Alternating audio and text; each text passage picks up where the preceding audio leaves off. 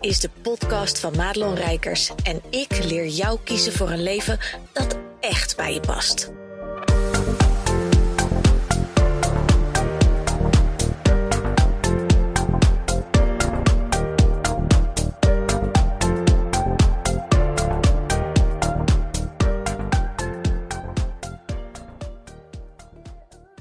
Ja, goed dat je luistert naar deze podcast. En ik moet je meteen mijn excuses maken. Eén, voor het kutgeluid. Want uh, mijn goede microfoontje zit in mijn koffer achterin. Ben ik helemaal vergeten eruit te halen. Dus ik neem dit even op met mijn Apple oortjes. Uh, deed ik vroeger ook. Maar hey, als je op een gegeven moment gewend bent aan kwaliteit... dan is dit gewoon van kutum, zoals wij dat thuis zeggen.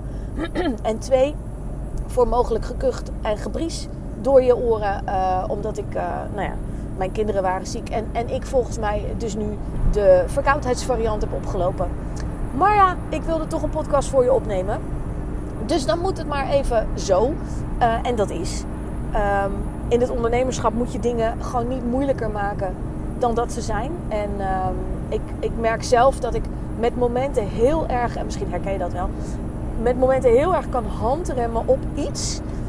Waardoor um, iets wat ik te maken heb, iets wat ik te doen heb, gewoon veel te lang blijft liggen. En een heel mooi voorbeeld daarvan is de community voor ambitieuze mensenhelpers.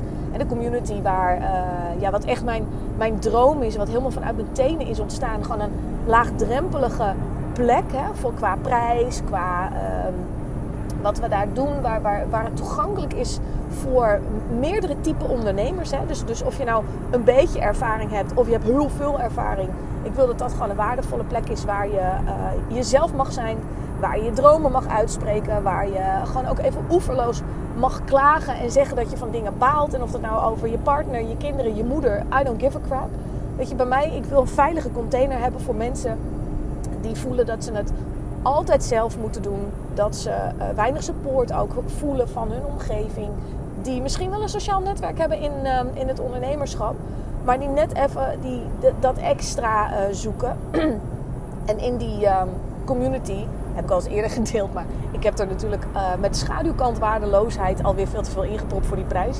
Maar uh, ik wil dat dat ook een plek is waar je gewoon kan leren over verschillende methodieken. Waar je van verschillende soorten experts, hè, dus niet alleen dat ik daar mijn ding doe, maar dat ik ook een podium kan bieden aan andere ondernemers. Tegelijkertijd jou als, als community member gewoon mag laten proeven aan uh, bijvoorbeeld hypnose, ademwerk, uh, spirituele shizzle, maar ook gewoon praktische dingen van hey, hoe kan je uh, je website beter inrichten? Hey, hoe kan je um, um, um, dingen veel meer automatisch laten verlopen?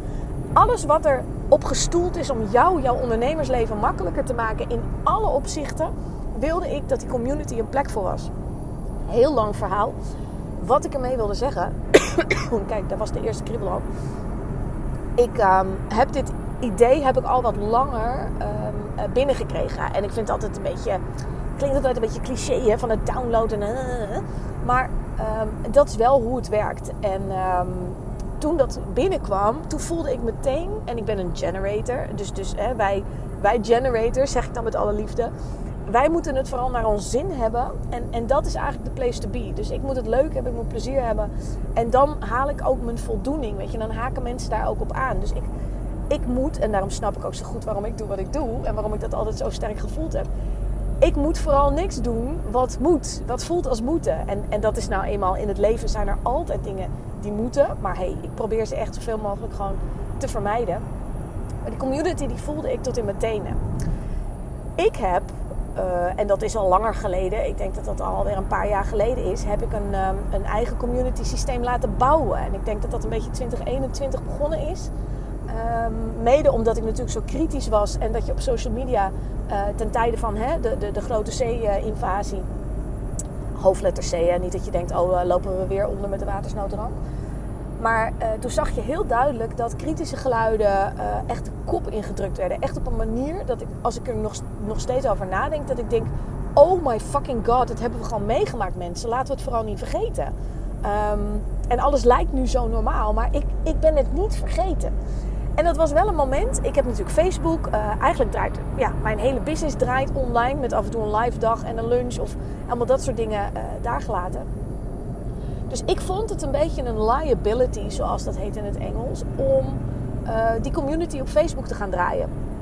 Dus ik dacht, ik heb mijn eigen community systeem. Dat werkt ook een beetje zoals Facebook. Ik geloof een van de weinige functies is dat je niet live kan gaan, maar ik kan er wel video's uploaden en zo. En ik kan natuurlijk mensen naar via Zoom uh, kun je dan gewoon live uh, je dingen doen. Alleen dat is een extern platform. Dat is de community van Madelon Rijkers. Dat is dat gekke knopje met sign in. Als je bij mij op de website kijkt, daar zit een heel community systeem achter. Nou waren er een aantal features die nog niet, wat mij betreft, naar behoren toen werkten. Om daar op een kwalitatief goede manier um, een community op te draaien. Ik ben, ik weet niet of je dat zou verwachten van mij, maar ik ben best wel een detailneuker. En ik wil gewoon dat het klopt. En ik ben, um, ik, ik wil kwaliteit voor mijn mensen. Ik wil functionaliteit voor mijn mensen, ook voor mezelf. En daardoor heb ik dus veel te lang gewacht met die community in plaats van dat ik gewoon maar op Facebook begonnen ben en dacht: hé, hey, weet je, we zien wel waar het schip strandt. En we kunnen, dan, dan verzin ik het on the road wel. Want er is geen probleem zo groot. Of jij weet er wel een oplossing voor. Alleen als je de, het probleem al voorziet. En je gaat vervolgens daarop zitten handremmen, zoals ik dus deed. Dan kan het dus gebeuren dat eigenlijk iets wat ja, een soort divine download was. Veel te lang bleef hangen. En dat is zonde, want dat is niet de bedoeling. Anders had ik die hele ingeving niet gehad. Dus uiteindelijk, toen ik dat zelf zag, want dat was ook nog zo'n dingetje. Toen ik het zelf door had wat er gebeurde. Um, ja, toen, toen was ik natuurlijk al best wel heel ver. Dat ik dacht, hè, waarom doe ik dit eigenlijk zo? Want waarom zou ik niet, en zo is het nu ook ingeregeld, waarom zou ik niet gewoon beginnen met een Facebookgroep? Hè, dat ben ik gewend. Ik draaide sowieso vroeger, toen ik live coaching deed, draaide ik hele, hele groepsprogramma's op, op Facebook. Dus ik, ik weet helemaal hoe dat werkt. Um, en ik, ik laat de mensen ook in mijn andere community. En daar doe ik op zich niks mee. Maar mocht de hele shit nou aangaan, Facebook ligt eruit, ik word geband of whatever. Dan kan ik ze altijd ergens anders naartoe leiden om nog steeds te kunnen bieden waar ze voor betalen. Namelijk uh, elke maand een, een live QA. Dan gaan we via Zoom. Nou, Zoom dat werkt gewoon. Ik heb uh, drie keer in de week zijn er momenten waarop we uh, elkaar even kunnen voelen. Weet je wel? Ik doe een weekstart elke maandag waarbij ik de mensen in de juiste energie. Dan geef ik iets mee van een tip of een inzicht. Of we gaan even een intune oefening doen. Dat kan van alles zijn. Of, of gewoon echt heel cliché gewoon een kaartje trekken. Wat dan weer net op dat moment helemaal nodig is voor de mensen om te horen. Um, dat soort dingen. En, en ook gastmasterclasses en zo. Dus ik dacht ineens, waarom heb ik nou zo ongelooflijk moeilijk zitten doen over dat hele community ding? En dan gaat shit gewoon echt makkelijker. En um, ja, je moet jezelf als ondernemer gewoon tot op je bot en beyond kennen. En dat is ook de reden waarom ik altijd zeg tegen mijn mensen en tegen iedereen die het horen wil. En eigenlijk ook, ben eigenlijk net Jehovah's getuige, want ook als je het niet horen wil, zeg ik het. Werk altijd harder aan jezelf dan aan je bedrijf. Want de grootste groei, de grootste omzet, de grootste successen, die zitten in uh, je eigen blinde vlekken herkennen. Je eigen gekut en getrut herkennen. Um, je eigen angsten en patronen herkennen. En dat is echt wel heel moeilijk. En ik ben ervan overtuigd dat je niet altijd een coach nodig hebt. Ik bedoel, ik heb op dit moment, ik doe altijd, um, of ik doe de laatste tijd, het laatste jaar, doe ik heel veel beetje van dat losse vlodder coachingswerk. En dat betekent dat ik um, uh, bij coaches waar ik denk, hé, hey, die kan mij verder helpen, daar doe ik losse sessies boeken als ze dat aanbieden.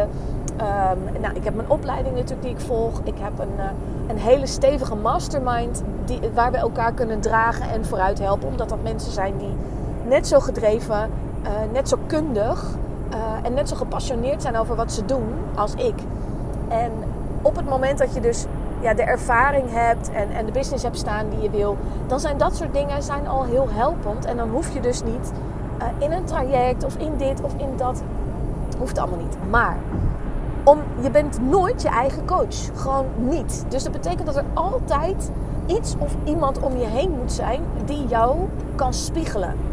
En um, dat, dat stukje spiegelen is denk ik wat mij betreft ook waar je op een gegeven moment als ondernemer met name behoefte aan hebt. Omdat je wel weet hoe het werkt. Hè? Je kent het klappen van de zweep, je kent het spelletje wel.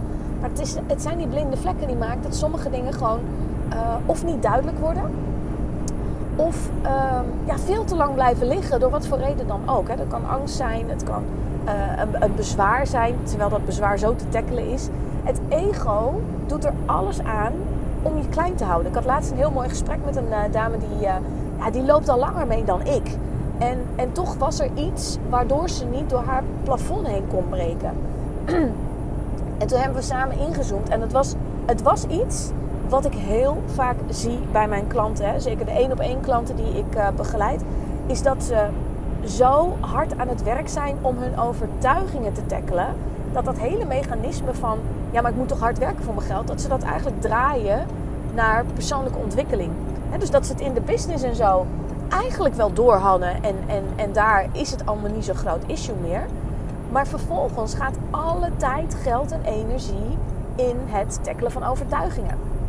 Nou hoor je me net natuurlijk zeggen, werk altijd harder aan jezelf dan aan je bedrijf. En uh, dat is ook een beetje gevaarlijk om te zeggen tegen mijn mensen.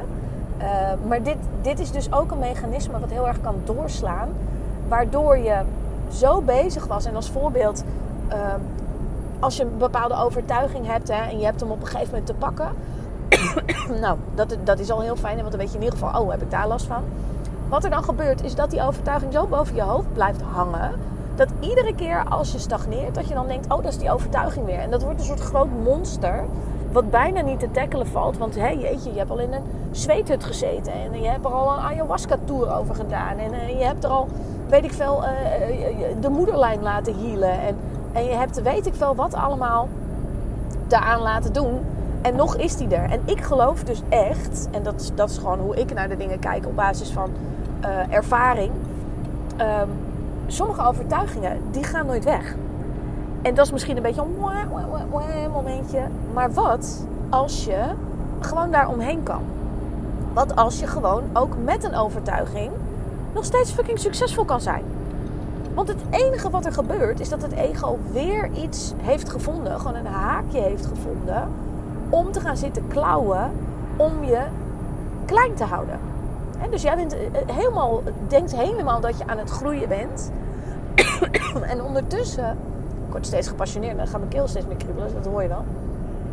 Ondertussen is het ego gewoon bezig met uh, je klein houden. Omdat al jouw tijd, geld en energie gaat zitten in die overtuiging. En um, ja, die overtuiging, die doet een soort lange neus. Die doet, weet je, toedeledoki. Uh, en, en die houdt jou dus klein. En waarom zou je jezelf toestaan om daar dus zo lang mee bezig te zijn? Terwijl je ook gewoon met die onrust en met die overtuiging kan doorstappen. En dat is grappig, hè? Want, want dat is hetzelfde. Ik neem het voorbeeld altijd voor mijn klanten als uh, rust in je hoofd. Uh, we zijn altijd bezig met het zoeken naar rust in, in je hoofd. En, en het bestaat gewoon niet. Dat, is, dat herken je misschien wel. Hè? Je bent vast iemand die ook wel mediteert en zo in meer of mindere mate. Dat toen je net begon, dat je misschien ook dacht, net als al die andere mensen... Oh, maar dan wordt het heel stil in mijn hoofd. Hè? Dan gaan al die gedachten weg. Maar dat is niet waar.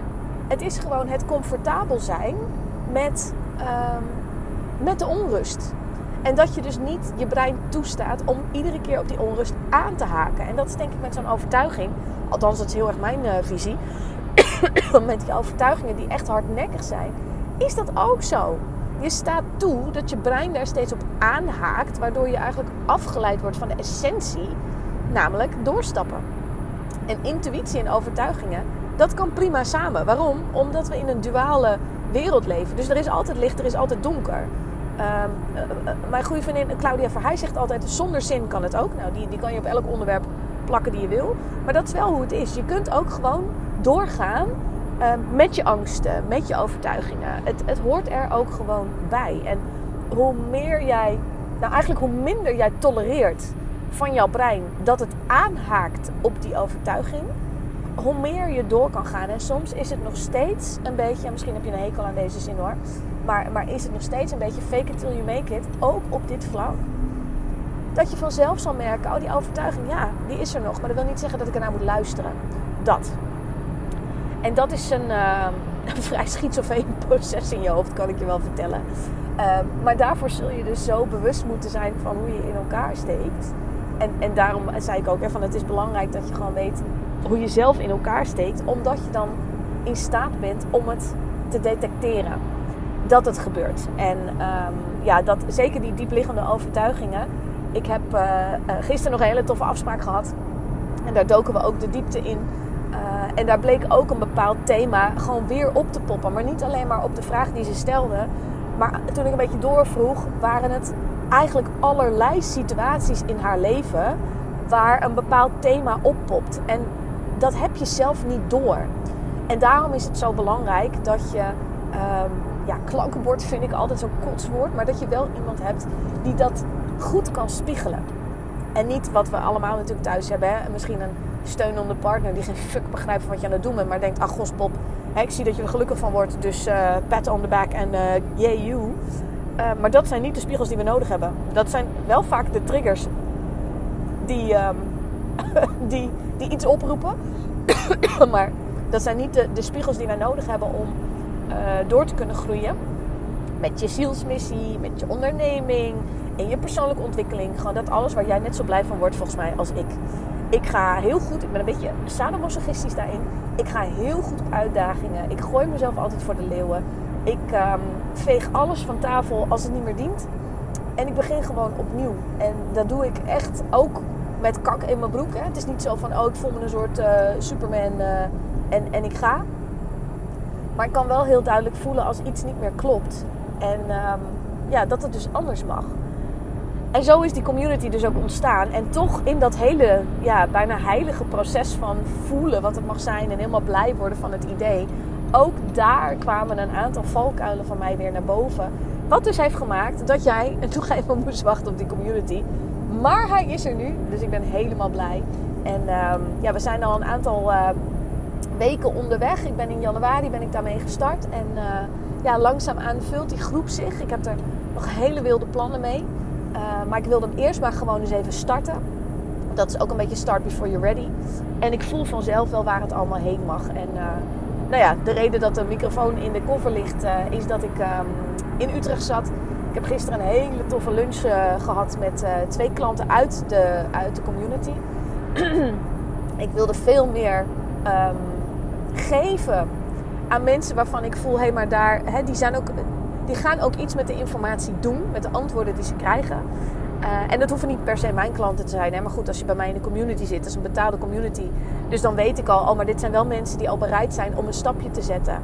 Um, een aantal van hen ken ik ook persoonlijk daar weet ik het ook van. En ik ga er gewoon van uit, dat is ook mijn intentie geweest toen ik hem openzette. Dat daar alleen maar mensen in komen die er net zo gedreven in zitten als ik. Met hart en ziel, letterlijk.